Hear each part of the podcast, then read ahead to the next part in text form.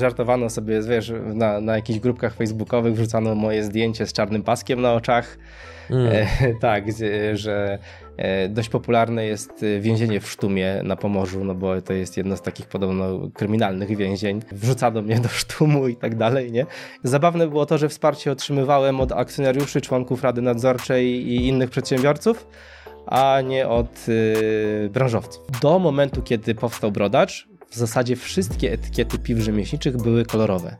My jako pierwsi wyszliśmy z białą etykietą. Dużo ludzi było takich, którzy nie znali na przykład piw rzemieślniczych w ogóle, a wiesz, w momencie, kiedy film Food Emperora zobaczyło tam, nie wiem, 800 tysięcy czy nawet milion osób, film Ja dam kanapkę, wydaje mi się, że miał to około miliona wyświetleń, no to jest naprawdę, wiesz, bardzo duża grupa ludzi, którzy okazuje się, wiesz, przychodzą po piwo Food Emperora, a potem okazuje się, że są, wiesz, trzy ściany różnych fajnych etykiet, które można by było chcieć mhm. spróbować. Jeżeli chcesz być na bieżąco z naszymi materiałami, zasubskrybuj kanał i kliknij dzwoneczek. Partnerem odcinka jest rocketjobs.pl portal pracy przyszłości, gdzie znajdziesz nowych członków Twojego zespołu. Mercaton ASI. Inwestycje z pozytywnym wpływem.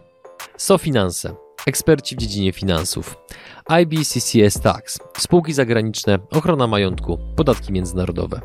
Linki do partnerów znajdziecie w opisie filmu. Dzień dobry drodzy widzowie, Adrian Gorzycki, Przygody Przedsiębiorców. Witam Was w kolejnym odcinku naszego programu, gdzie tym naszym gościem jest... Tomek Brzostowski. Dzień, Dzień dobry. dobry. Cześć. Drodzy widzowie i słuchacze, dzisiaj będziemy rozmawiali między innymi o tym, jak wygląda, można powiedzieć, spór z KNF-em, E, no, wydaje mi się, że można to w ten sposób Walka nazwać. Dawida z Goliatem? Tak, to na pewno. Zdecydowanie, okay. tak. I oprócz tego będziemy rozmawiali również o tym, jak się buduje marki premium dla konsumentów. Tak. Dobra, no to zacznijmy od czegoś lekkiego, czyli KNF. I oczywiście wprowadź proszę naszych widzów, czym się zajmujesz, kim jesteś i Dobrze. z czego wynika oczywiście ten konflikt. Od 2015 roku zajmuję się produkcją piwa rzemieślniczego. Od dwa, y, robiłem to do początku na jednoosobowej działalności gospodarczej. Od 2019 w zasadzie robię to na spółce akcyjnej e, stworzonej głównie po to, żeby można było wyemitować akcje i w ten sposób się dokapitalizować i rozwinąć biznes. E, no i spółka akcyjna de facto była tutaj początkiem problemów e, z KNF-em, które się aktualnie toczą. E, mianowicie zabrakło mi na, przy pierwszej emisji informacji o tym, że ten limit, który jest do wykorzystania, czyli 4 miliony euro, to jest limit, który wykorzystujesz w momencie, kiedy. 4 miliony euro czy złotych? Przepraszam, 4 miliony złotych. Milion euro, tak. Mhm, no. To jest limit, który wyczerpujesz w momencie, kiedy mówisz o tym, że chcesz taką kwotę pozyskać, czyli nie liczy się efekt, który e, pozyskujesz, czyli, czyli ile środków e, faktycznie pozyskałeś, tylko ile deklarujesz, że wydaje ci się, że możesz pozyskać. Mhm. E, I to był jakby początek tego problemu, bo gdybyśmy wtedy zmniejszyli sobie mm, ambicje, może tak to dziwnie nazwę, i poszli na przykład, zadeklarowali chęć pozyskania 2 milionów złotych, a nie 4 milionów złotych, to tego problemu prawdopodobnie by w ogóle nie było dlatego że nie wykorzystalibyśmy tego limitu miliona euro. A moglibyście wtedy, gdybyście zadeklarowali, że chcecie zebrać dwa, tak. gdybyście zebrali dwa i pół, to nie byłoby problemu. E, nie byłoby problemu, bo moglibyśmy pół miliona złotych zwrócić i zamknąć zapisy tylko na tym limicie, który sobie przewidzieliśmy, okay. czyli 2 miliony złotych. E, więc w związku z tym, że w ustawie o ofercie publicznej jest zapis o tym, że między emisjami e, musi być zachowany termin 12 miesięcy, a właściwie nie między emisjami, tylko między emisjami, tylko między terminami dokonania oferty, które, które z kolei nie jest sprecyzowane w żaden sposób, no to my przeświadczeni o tym, że tego terminu dotrzymujemy, wystartowaliśmy z kolejną emisją akcji. No i okazało się, że w rozumieniu tych przepisów w, mm, ze strony Urzędu Komisji Nadzoru Finansowego mamy różną interpretację tych przepisów. To znaczy, my byliśmy przekonani, że skoro pierwsza emisja wystartowała 26 listopada 2018 roku, a druga 2 grudnia 2019 roku, to że mamy e, wszystko w porządku i że możemy działać. Zdaniem KNF-u okazało się, że byliśmy w błędzie. Co to dla was oznacza? Dla nas to oznaczało tyle, że zostaliśmy w pewnym sensie jakby wezwani do naprawienia tego błędu. No więc, żeby nie narażać się na żaden gniew ze strony urzędu, y, to oczywiście się dostosowaliśmy, napisaliśmy, że my to interpretujemy, uważamy, że to jest inaczej, no i nie spotkało się to z przychylnością, że tak powiem, ale ten, ten, ten pierwszy problem nie był jeszcze tym, tym decydującym, który za, zaważył o tym, że y, pojawiliśmy się na liście ostrzeżeń. To już jest poważna sprawa. No to już jest dosyć poważna sprawa. E, ma to też jakieś swoje tam, e, powiedzmy, e, konsekwencje. Czyli teraz nam opowiesz, jak się robi karuzelę watowską, tak? nie. nie wiem, jak się robi karuzelę watowską. Nie wiem, czy niestety, czy stety, ale raczej nie. I pojawił się drugi problem. E, mianowicie taki, że jak już wystartowaliśmy z drugą emisją, która była e, z limitem, który sobie ustaliliśmy na 2 miliony 640 tysięcy złotych, musieliśmy ją anulować właśnie ze względu na niedotrzymanie tego terminu 12-miesięcznego i uruchomiliśmy ją jakby ponownie, w sensie zrobiliśmy nową emisję na nowej podstawie prawnej, bo trzeba jeszcze tylko dopowiem, że ta do miliona euro jest na dokumencie informacyjnym, a powyżej jest już y, potrzebne memorandum. W związku z tym my to memorandum wykonaliśmy. Czym jest memorandum dla osób, które nie wiedzą? To jest taki dużo bardziej szczegółowy, dużo bardziej rozbudowany dokument informacyjny dotyczący działalności spółki, potencjalnych zagrożeń, mhm. planów itd., tak itd., tak nie? Mhm. E, właściwie na memorandum informacyjnym można już e, zadebiutować na, na giełdzie New Connect, nie? Mhm. E, więc my taki dokument wykonaliśmy. Co istotne, na tej samej uchwale o podwyższeniu kapitału zakładowego, a to jest podstawowy dokument spółki w formie aktu notarialnego, mhm. który mówi o tym, ile właśnie środków planujesz pozyskać. Czyli ta deklarowana, ta de deklarowana wartość emisji. No i tutaj e, to też była ciekawostka, dlatego że ten limit został nam jakby sumowany. Czyli my przez to, że musieliśmy anulować tą drugą emisję e, i ponowić jakby na nowej podstawie prawnej, czyli z tym memorandum informacyjnym, ale na, tych sam, na, te, na tej samej uchwale o podwyższeniu, czyli de facto na tych samych akcjach, no to KNF stwierdził, że my przez to, że e, mieliśmy dwie emisje, to ten limit przekroczyliśmy ten miliona, e, ten miliona euro też. E, mhm. Bo, bo to już było łącznie 5 milionów ponad 200 tysięcy złotych, tak?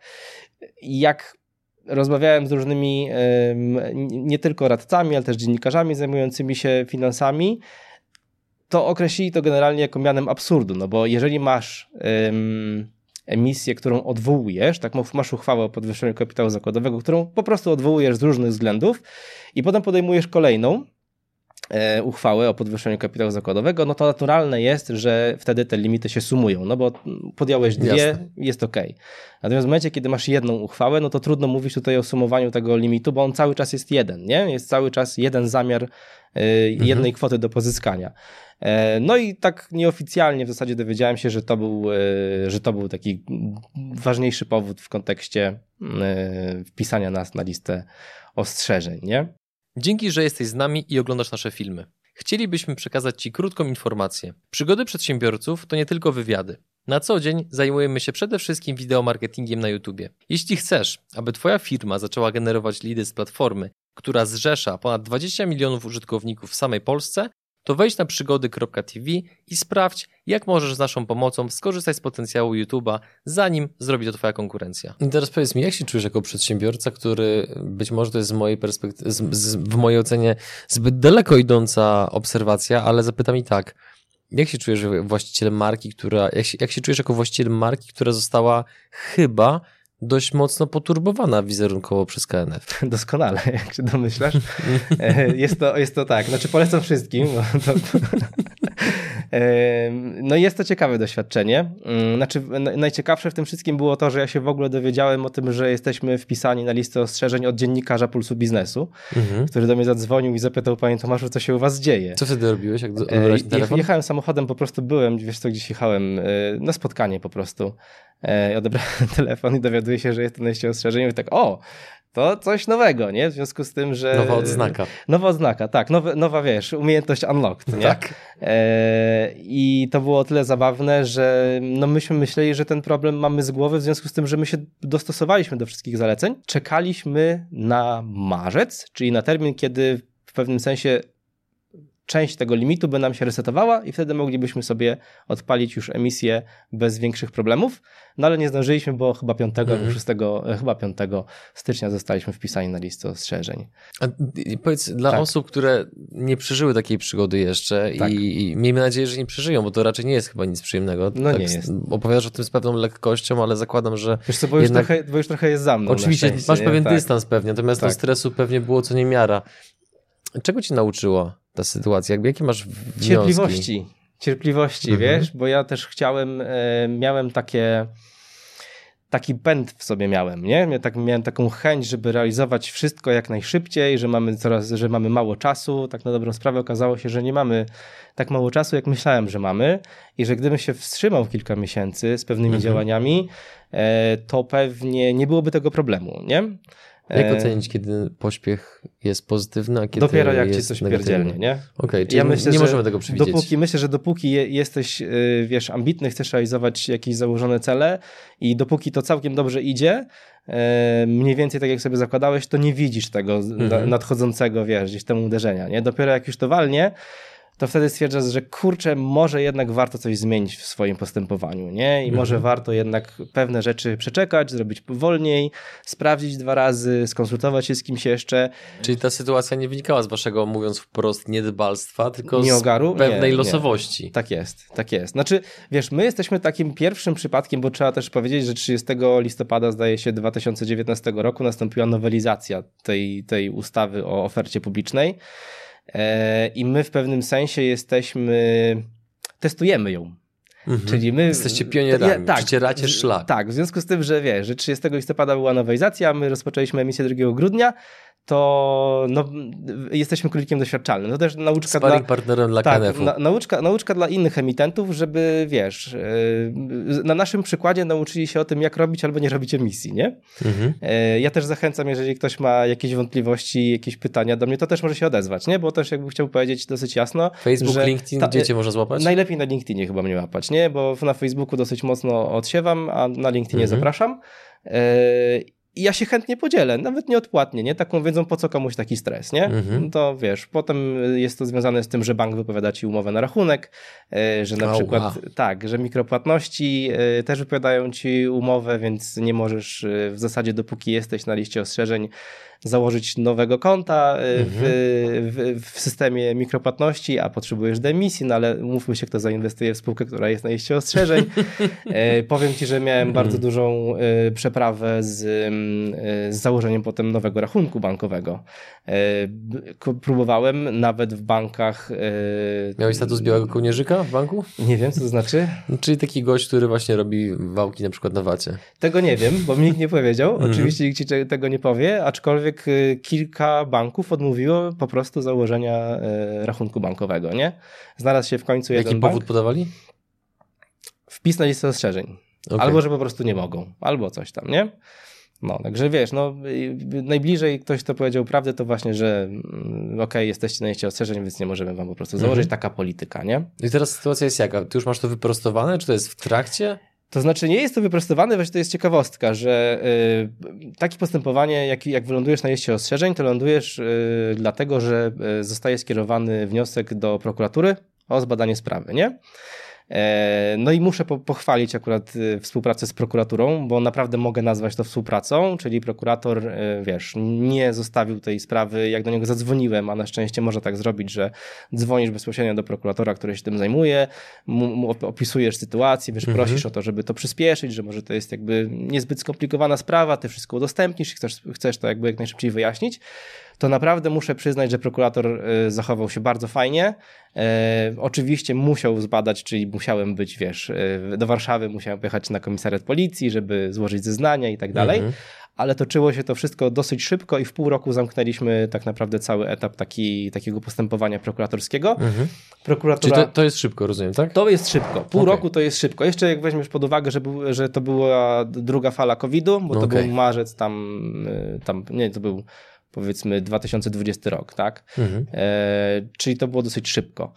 E, I ciekawostka była taka, że no to zostało jakby umorzone, to postępowanie, ale KNF to umorzenie zaskarżył. Tak. Ktoś tam cię chyba nie lubi za no, bardzo. Chyba, ta, chyba, tak, więc ja tak trochę odpłacam pięknym za nadowne i mówię o tym, że tam z tym KNF-em to wcale nie jest tak fajnie, a spotykam się często, jak rozmawiam o naszej sytuacji, bo tak się domyślasz, dosyć często rozmawiam z różnymi osobami, e, to no, KNF generalnie nie cieszy się raczej dobrą prasą, nie? Że... Ale to wynika z tego, że kadry mają słabe, czy na czym polega problem? Myślę, że takie dosyć pochopne działanie jest problemem, nie? W sensie nie ma takiego... Mm, nie ma takiego podejścia naprawczego, w sensie takim, Pochopne że... czy przewrażliwione? chyba przewrażliwione. Okej. Okay. Tak. Wydaje mi się, że to, znaczy nie wiem, czy to nie wynika też z procedur, pewnie tak jest, to, to jakby, że KNF musiał się, musiał zaskarżyć de, de, decyzję o umorzeniu postępowania.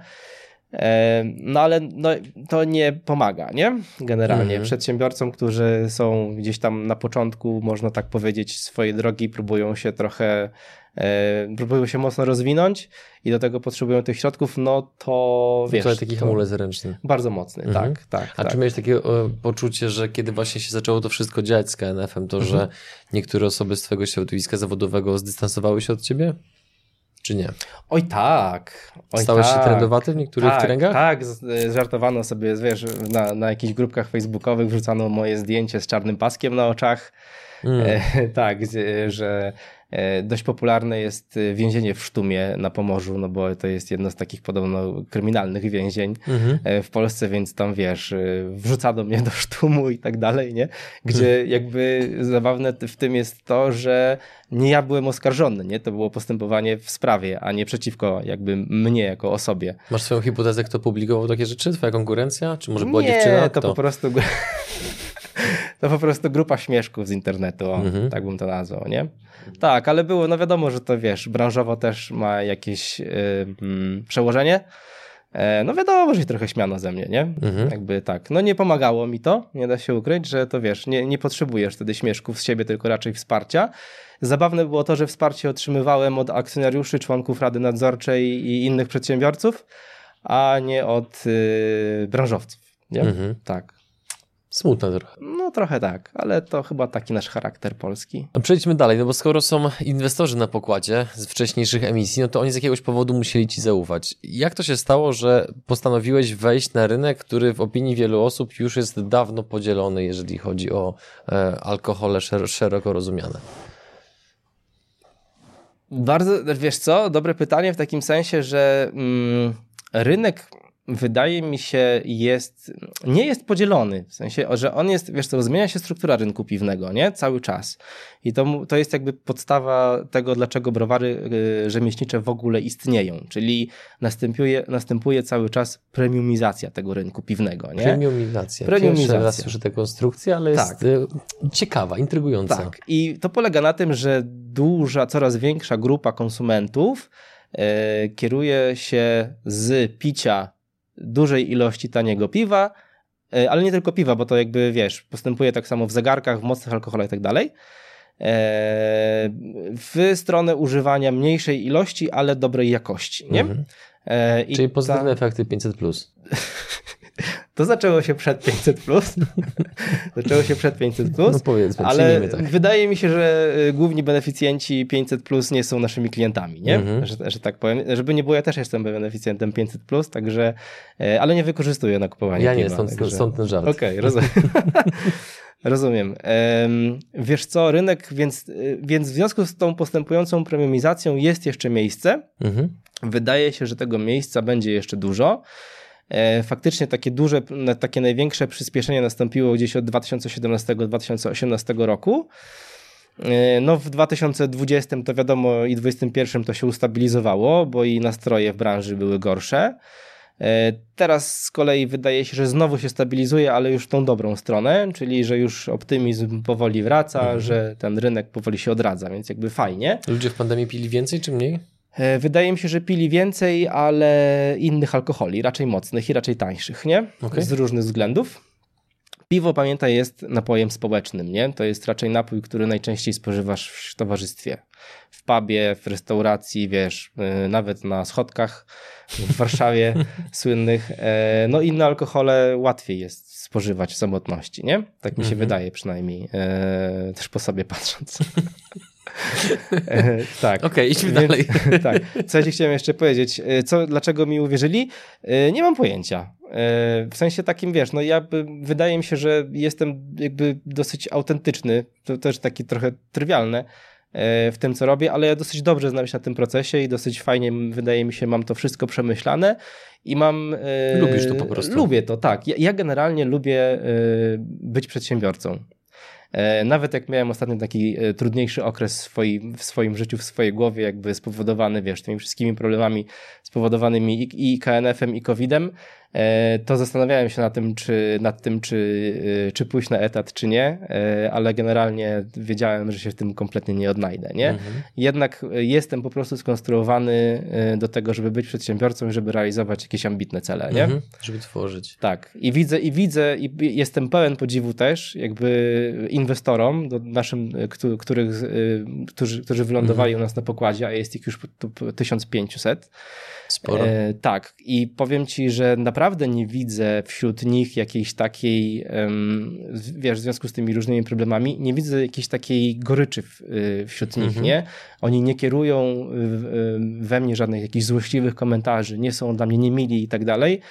E, wręcz przeciwnie, jak teraz mamy ten plan restartowy, to wspierają mnie i y, merytorycznie, i finansowo. Co nie? znaczy plan restartowy? Więc y, mam drugą spółkę akcyjną, która y, ma służyć do wyemitowania akcji y, do zrestartowania jakby brodacza, nie? Czyli omijasz KNF. Y, nie, nie tyle omijam KNF, co omijam y, problemy, które na tej pierwotnej spółce mhm. w tej chwili są ta druga spółka będzie dzierżawić całe przedsiębiorstwo, wiesz, mhm. znak towarowy, list, dotychczasowe umowy, kontrahentów i tak dalej.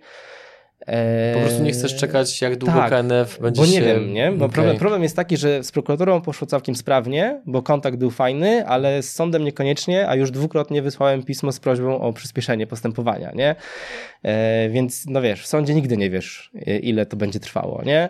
Więc w związku z tym, żeby nie czekać, a rynek już wydaje się naprawdę, zaczyna mhm. się robić sympatyczny, to żeby się odpalić w sezonie, czyli w sezonie piwnym, czyli mniej więcej od kwietnia, no to, to do tego już działamy, tak. I dlatego taką konstrukcję. Też mhm. oczywiście po spotkaniach z wieloma osobami, e, które mi pomogły e, dojść do tego, że warto, skoro jest ta druga spółka, po prostu tamtą wydzierżawić, i tu ją wykorzystać do tego, żeby pozyskać e, mhm. kolejne środki do tego, żeby wiesz, móc się zrestartować. Tak jak nazywam to restartem, no bo nie, działa, nie idziemy od zera, nie? To jest Jasne. jakby istotne, że wiesz, my jednak zbudowaliśmy bazę 600 klientów na terenie Pomorza, e, plus kilkuset też w formie marketów. Mówimy o klientach, którzy raczej odbierają od was ilości hurtowe, tak? Czy to są indywidualni klienci? Indywidualni, ale nie, w sensie hurtowe to też...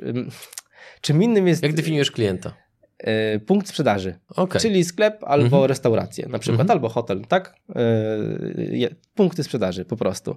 E, więc taką bazę tych 600 klientów mamy i wiesz, my dzięki temu jakby płynnie możemy znowu wejść w mhm. ten rynek z nowym zespołem, z nowym pomysłem, lekko, wiesz, z przearanżowanym biznesem, też oczywiście zoptymalizowanym kosztowo, bo to też nie będę ukrywał, było trochę problematyczne, bo ja też się uczyłem, jak działać na spółce akcyjnej, uczyłem się budować zespół, uczyłem się dobierać ludzi. E, to też y, kosztowało, mhm. niestety, ale tak jak rozmawialiśmy poza, e, poza tutaj nagraniem, ja sobie ten pierwszy rok dałem na to, nie? Dałem sobie ten kredyt taki, że mogę sobie E, że rok mogę się uczyć. Takie jak, przyzwolenie jak jest ważne dla mentalu przede wszystkim, żeby nie okay. oszaleć, że co chwilę jest jakiś fakt. Okej, okay. no właśnie tak mi się wydaje. Tak, jakby, mhm. tak świadomie po prostu do tego podszedłem, nie? że pierwszy rok prawdopodobnie będzie w plecy, e, ale on od tego trochę jest, nie? No bo wiesz, ja byłem na działalności jednoosobowej i nagle wskakuję w spółkę akcyjną, nie? To już drobna zmiana. Drobna zmiana, tak. E, ale generalnie polecam spółki akcyjne. Jeżeli ktoś myśli, to jest jakby uważam, że. E, Dlaczego je polecasz? Polecam jest właśnie głównie dlatego, że dyscyplinują bardzo mocno, nie? Na działalności jednoosobowej to jest tak, wiesz, czegoś, jakiegoś dokumentu nie, nie, nie, nie wytworzysz albo jakąś formalność może pominiesz, coś tam, wiesz, mhm. przelejesz sobie pieniądze na swój prywatny rachunek, to to jakby, wiesz, prawdopodobnie zaboli, nie? A spółki akcyjne porządkują, jakby pomagają ci też oddzielić twoją działalność profesjonalną od twojej działalności osobistej, nie? Ja będąc na, dzia na jednoosobowej działalności nie byłem w stanie e, doliczyć się ile pieniędzy tak naprawdę zarabiam, nie? Wiesz, na przykład otrzymuję PITA, gdzie mam, nie wiem, 100 tysięcy złotych zysku, i go nie widzę. nie, wiesz, nie, nie gdzie mój tych, hajs? Tak, gdzie mój hajs jest, nie? Wiesz, niby wszystko się zgadza, wszystko fajnie, ale nie ma hajsu, nie? Mhm. E, no w spółce jest dużo, dużo łatwiej, dużo prościej, jeżeli o to chodzi, nie? Mhm. Tak. Maciej Wieczorek, zdaje się, poleca oddzielenie, no, chociażby tworzenie spółki ZOO, po to, żeby oddzielić finanse prywatne od, y, od tych y, służbowych, Mhm. nazwijmy to, i to uważam, że to jest bardzo dobre, Mhm. nie? No i druga rzecz, czyli kontrolowanie twojego, y, twoich finansów, bo jak wchodzisz w spółkę akcyjną, to masz instytucję, z automatu masz instytucję biegłego rewidenta, który w zależności od tego, jak do tego podejdziesz, może być albo dużą upierdliwością, albo dużą yy, wiedzą merytoryczną o tym, jak dbać o swoje finanse, nie? Mhm. No i ta przydaje się, uważam, Mhm. nie? Wracając do punktów sprzedaży, co było kluczowe w tym, żeby zbudować e, sieć 600 punktów? Nie, to nie jest Yy, mało. Przedstawiciele handlowi i człowiek, który tym rynkiem sprzedaży będzie No dobra, a mniej Tak. banalnie? Mniej banalnie? Mniej banalnie. Jakby, wiesz, no bo handlowiec okej, no ale No. jak przygotowałeś tych handlowców? Co było ważne, żeby oni zbudowali tą sieć? No bo zakładam, że No. część mówiła nie, część mówiła tak, więc jak wyglądał proces dochodzenia do tego, żeby było 600, a nie 60? Wiesz co, kurczę, to jest tak... Yy...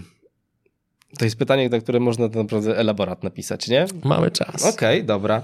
Dużo łatwiej jest pozyskiwać klientów, jeżeli masz fajną, rozpoznawalną markę z dobrym story, tak? Ale to bardziej chodzi o to, że za tą marką stoją jakieś ciekawe wartości, nie? Tak jak my mamy brodacza i na każdym, wiesz, i na każdej etykiecie jest ten brodacz i w pewnym sensie często ludzie utożsamiają brodacza ze mną, nie? W sensie, że A jesteś nim czy nie? Y, Nie taki był zamysł pierwotnie. Jak zobaczyliśmy propozycję agencji, która przygotowywała nam e, logotyp, to wiedzieliśmy, że to jest ten brodacz, którego my chcemy. E, Śmieszna historia jest taka, że moje córki, jak widzą, e, mamy przecież na przykład podkładki z, z brodaczem o tata, nie? Jakby to, więc to Mhm. trochę działa e, chyba w tę stronę. I ale trzeba być wyrazistym, nie? W sensie takim, że jeżeli mm, tworzysz jakąś markę, taką konsumencką, to i ona ma w pewnym sensie odpowiadać twoim wartościom, no to dobrze, żebyś ty był jakby, wiesz, takim trochę ekstrawertykiem w kontekście ich pokazywania, nie? Czyli właśnie czasami pokazał twarz tu, tam, e, ale też nie bał się samemu pokazać, samemu e, załatwić pewnych spraw, nie? To na pewno dobrze działa, bo wiesz, ci ludzie jak, e, nie wiem, pot- potem widzą taki, takiego brodacza, nie? To oni mówią, o kurde, znam, słyszałem, no, albo widziałem wywiad z kimś tam, z tym, z tym waszym prezesem, czy coś takiego, nie? Spoko, weźmy to ułatwia pracę handlowcom. To ułatwia pracę handlowców, ale po prostu ułatwia też zdobywanie punktów sprzedaży, nie? E, No oczywiście musi się zgadać też jakość produktu, bo jeżeli wiesz, chcesz, chcesz komuś sprzedać e, butelkę piwa za 6 zł brutto, którą on ma sprzedawać za 12, 14 i tak dalej, no to musi mieć coś dobrego w, tym, e, w tej butelce, nie? Nie może to być, wiesz, Mhm. szczoch, tylko z fajną etykietą, nie? E, Więc taka spójność i wizerunkowa, i produktowa jest tutaj dosyć istotna, Co nie? powoduje, że wasze piwo jest sprzedawane na 6 zł brutto do sklepów, a kosztuje ponad 10, 12, 14. Tylko- Dobra, No. jakość, wiem, ale co się składa na tą jakość? Please, give me some details. Chcesz takie ten? tak, Takie detale? tak, no jakby mówimy nudne. o tworzeniu, no jak nudne? nudne. Mówimy o tworzeniu marki premium dla konsumentów, no Tak. dajmy widzom i słuchaczom jakąś taką podpowiedź Wiesz co? weterana branży. Wiesz co, no to jakby to jest trochę po prostu tak, że ty wykorzystujesz po prostu te naturalne procesy, które się toczą, nie? Nie idziesz na skróty, bo duże, duże browary, duże grupy browarnicze często idą na skróty, a to doleją sobie syropu glukozowo-fruktozowego do piwa, a to jakiegoś grysiku kukurydzianego, a to sobie przyspieszą fermentację, a to sobie coś tam jeszcze z nią wymyślą, a ty mm, poświęcasz czas i używasz faktycznie jakby w pełni surowców, które są jakby, wiesz, do tego przeznaczone, nie? Mhm. Czyli na przykład używasz słodu, e, używasz dużej ilości przyprawy, e, czyli chmielu, e, bo na przykład, e, wiesz, w takim, e, w takiej, takiej ipie e, chmiel to może być na przykład 20% tej ceny jakby produkcji, nie? Czyli tam, nie wiem, 80 groszy, czy tam nawet koło złotówki, albo są Mhm. browary, które też używają dużo więcej. Więc jakby, ale dzięki temu masz efekt w postaci fajnego smaku i fajnego aromatu, nie? I, no ale to z kolei się przekłada na cenę. No i no stąd to się tak naprawdę mhm. bierze, nie? No plus ten czas, który poświęcasz. A nie? czym się wyróżnić na rynku w takim razie takich piwów, pi, pi, piwów Marką, nie. A, piw premium, no. a, których mam wrażenie, że w ostatnich latach no wręcz wysypało. Tego jest bardzo Ponad dużo. Ponad 3000 premier piwnych było chyba w 2019 roku. No to, to jest kosmos. No teraz... Nie jesteś w stanie tego wypić. Ja nawet nie wiem, mhm. ja, ja słuchaj, nawet doszedłem do takiego momentu, że widzę, że upada jakiś browar, w sensie, że zamyka się jakiś browar, o którego istnieniu nie miałem pojęcia, nie? A mhm. jestem w branży od 7 lat. No i jak się robi na takim rynku, biorąc pod uwagę taką konkurencję? Marketingiem. Naprawdę. To w tej chwili już jakby wydaje mi się, że już w tej chwili nie ma, nie ma jak y, opracować na tyle ciekawego czy innowacyjnego produktu, y, żeby się wyróżnić samym produktem. To podaj przykład działania marketingowego waszego, które było ponadprzeciętnie skuteczne. To ja ci mogę powiedzieć, że my jak projektowaliśmy markę, to nam zależało przede wszystkim na tym, żeby kierować się do y, osób wysoko wykwalifikowanych, E, i najczęściej dobrze wykształconych i z dużych ośrodków miejskich, nie? I, postanowi, I postawiliśmy też na minimalizm i prostotę.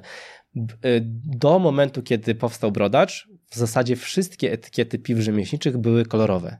My jako pierwsi wyszliśmy z białą etykietą, nie? I chodziło o tą, o tak, i jako pierwsi nie, nie, nie robiliśmy tam jakichś, wiesz, dziwnych grafik, udziwnień, rysunków i tak dalej, tylko po prostu postawiliśmy na maksymalny, na maksymalny minimalizm, nie?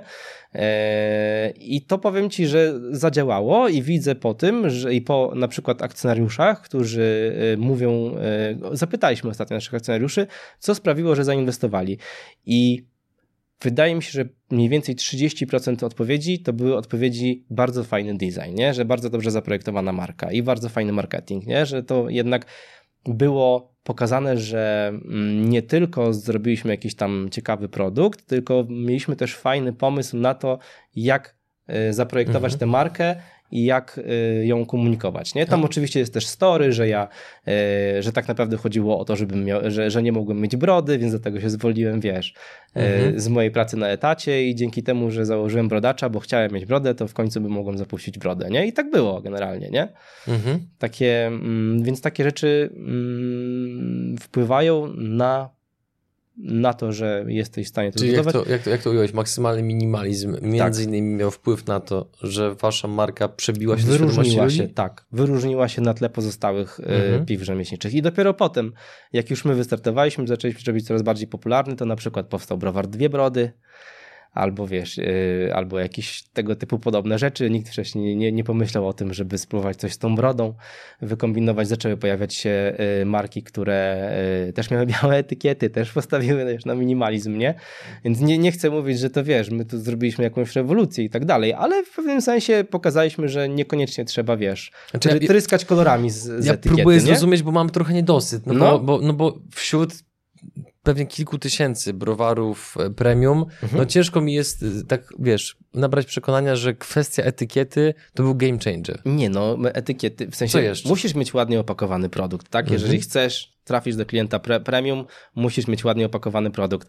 Pamiętam jak dziś, jak e, dzwoniłem sprzedawać swoje piwa w 2015 roku, to usłyszałem takie, słyszałem takie opinie, dobrze, że macie ładną etykietę bo w 2015 roku nie było takie oczywiste, żeby mieć ładną etykietę. Mało kto inwestował kasę w agencję która ci zaprojektowała etykietę, nie? Mhm. To były często, wiesz, takie naprawdę wręcz Czyli bardziej chał, chałupnicze. używali, tak? No, to tak czasami wyglądało, nie? E, no i wiesz, jak położyłeś już sporą część budżetu, który miałeś na to, żeby to dobrze wyglądało, to już w pewnym sensie byłeś kilka, kilka kroków do przodu, nie? No w tej chwili to już jest trochę inaczej jednak, nie? No ale potem właśnie masz po to to story i te działania marketingowe, żeby, wiesz, y, coraz więcej ludzi cię zauważyło, bo musisz też wiedzieć jeszcze jedną bardzo ważną rzecz. Proszę. W krafcie polskim jest takie przekonanie, że produkt broni się sam. I ja uważam, że nic bardziej mylnego i pewnie wielu osób, no właśnie. Nie znam branży, w której to było prawdziwe, ale wiele osób nadal w to wierzy. Właśnie. Y, jak nie masz marketingu, nie masz y, przekazu, nie pokazujesz się szeroko, to nie masz tak naprawdę się czym obronić. W sensie nie, nie masz co obronić, nie? No bo jeżeli nikt nie wie o tym, że ty masz taki produkt, mhm. to on nie ma szansy się obronić, nie? Ja, ja od początku e, byłem też trochę besztany za to w branży, bo my mieliśmy My mieliśmy współpracę z youtuberami, zanim to było modne, nie? E, było kilka kontrowersji, niektóre były może potrzebne, niektóre nie, ale generalnie uważam, że to też zbudowało pewnego rodzaju, wiesz, no to zbudowało też rozpoznawalność marki i jakiś taki charakter marki, nie? Która kontrowersja była najmocniejsza? Wiesław Szywka. Mm. Tak, kojarzysz? Mm -hmm. Tak. O, opowiedz tym, którzy nie kojarzą. No więc pan Wiesław Szywka już w tej chwili niestety nie żyjący, e, no to była postać, która na samym początku testowała różnego rodzaju alkohole w humorystyczny, lekki, taki zabawny sposób. No backgroundem tam było, tam było faktycznie to, że Wiesław miał problem alkoholowy. E, natomiast, y, natomiast myśmy, wiesz, to nie było tak, że my wlewaliśmy Wiesławowi piwo do, do gardła, nie? W sensie no to był cały czas samodzielny, samodzielnie myślący człowiek i on mógł się podjąć tej współpracy albo mógł się nie podjąć tej współpracy, nie? Tak naprawdę, wiesz, propozycja wyszła y, ze strony mhm. Y, Wiesława i w zasadzie człowieka, który jakby go stworzył, czyli Dawida Rycombla, bo mało kto wie, wiesz, no, że Wiesław sam w sobie tak nie do końca był zabawny, tylko był zabawny w, w kształcie, który, który zrobił Dawid, nie? E... Taki brand manager. Taki brand manager, tak, tak. E, bardzo zdolny. Naprawdę podziwiam pracę, którą wykonał. E, natomiast wiesz, backgroundem tego wszystkiego było to, że Dawid, e, potem to się trochę zmieniło, czyli oni przeszli z, z testowania alkoholi do testowania generalnie różnego rodzaju rzeczy, nie? Mm, bo też, bo Dawid też y, chciał odejść od testowania alkoholi, bo widział, że ten jakby, no okej, okay, pasuje w takim sensie śmieszkowym, ale nie do końca mu to pasuje y, w sensie takiego, wiesz, po prostu empatii człowieczeństwa i tak dalej, no bo to nie, nie było jakby dobre dla Wiesława. Jasne.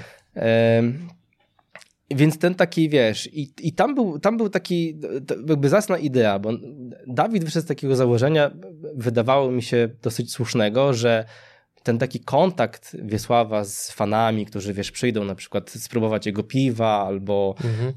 y, jakieś takie, wiesz, okażą wsparcie, że to może będzie jakiś game changer w życiu Wiesława, nie? E, no ale okazało się, że to, y, to nie był człowiek, który chciał, żeby mu pomóc, nie? Niestety. E, I no okej, okay, było tam, były w zasadzie, no było jedno piwo, które powstało chyba w trzech warkach, czyli tam, nie wiem, łącznie w ilości około powiedzmy 15-20 tysięcy butelek, już w tej chwili nie pamiętam. Hit sprzedażowy, hit, absolutny hit, bo wymiatało to piwo z magazynu i z, wiesz, ze sklepów y, momentalnie. Właśnie z powodu pana Wiesława, tak? Z powodu pana Wiesława.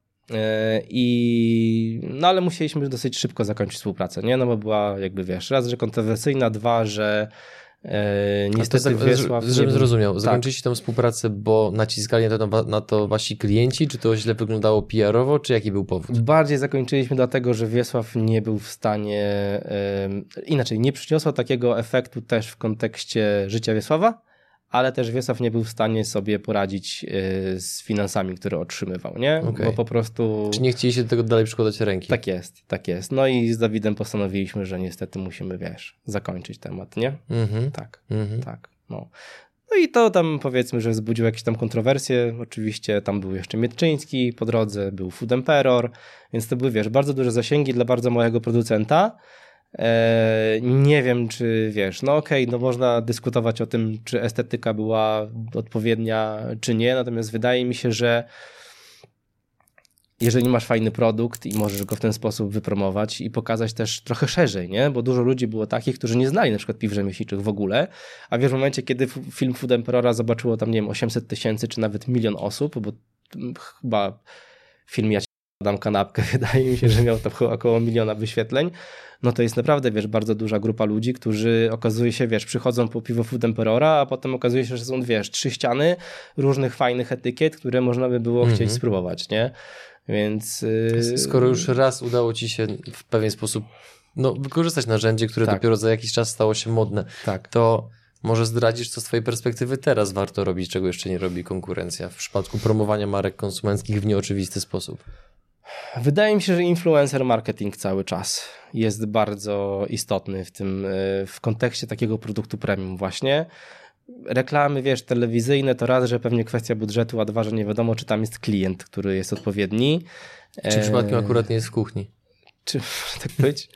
E, na pewno, e, wiesz to internet po prostu jest bazą, nie? W sensie, no media społecznościowe są podstawą, absolutną podstawą, jakaś tam, jakieś tam tworzenie interesujących treści w mediach społecznościowych i influencer marketing, nie? który daje ci fajne zasięgi i jednak buduje powoli e, rozpoznawalność marki. Nie? Dla osoby, która nigdy nie korzystała jeszcze z influencer marketingu, tak. co jest w niej szczególnie ważne, co powinniśmy zwrócić uwagę, tak w kilku punktach, gdybyś chociaż podał. Znaczy, no na pewno to, o czym influencerzy sami mówią, czyli dawać im pewnego rodzaju swobodę do tego, żeby mogli to promować. Ja powiem ci szczerze, że w zasadzie w ogóle nie wnikałem e, w to, co oni zrobią, jak oni zrobią. No bo to oni znają swoją publiczność. Tak, oni znają swoją publiczność, oni wiedzą, jak to, jak to, jak to zrobić.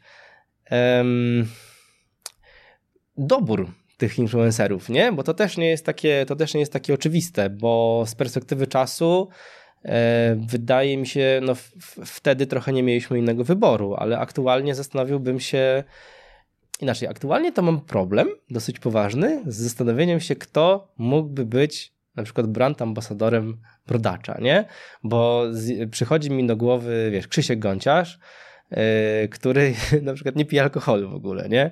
Yy, I takich osób jest bardzo mało, natomiast muszę akurat wspomnieć o browarze Tęczynek, a właściwie o Buchu, który y, no uważam, że samo, wiesz, samo jakby wejście w rynek zrobili genialnie, nie? To ilu ludzi na Instagramie i ile osób, wiesz, jakby jak, jaka była promocja też na YouTubie, no to jakby czapki z głów, nie? To jak to było zorganizowane, do kogo, kto to promował i tak dalej, to było świetnie wybrane, nie? Mhm. Więc jeżeli ktoś szuka inspiracji do tego, jak zrobić fajny influencer marketing w Polsce, to zdecydowanie case Piwa Buch tak, warto przejrzeć, nie? Tym sposobem dotarliśmy do końca nagrania, więc z czym zostawisz naszych widzów, powiedz? Ja przede wszystkim chciałbym nawiązać jeszcze na sam koniec do tego restartu, który nas czeka, bo nie będę ukrywał, że to jest jakby główny powód, dla którego się spotkaliśmy. Ja zawsze chętnie opowiadam o brodaczu i o tym, jak to się wszystko toczy.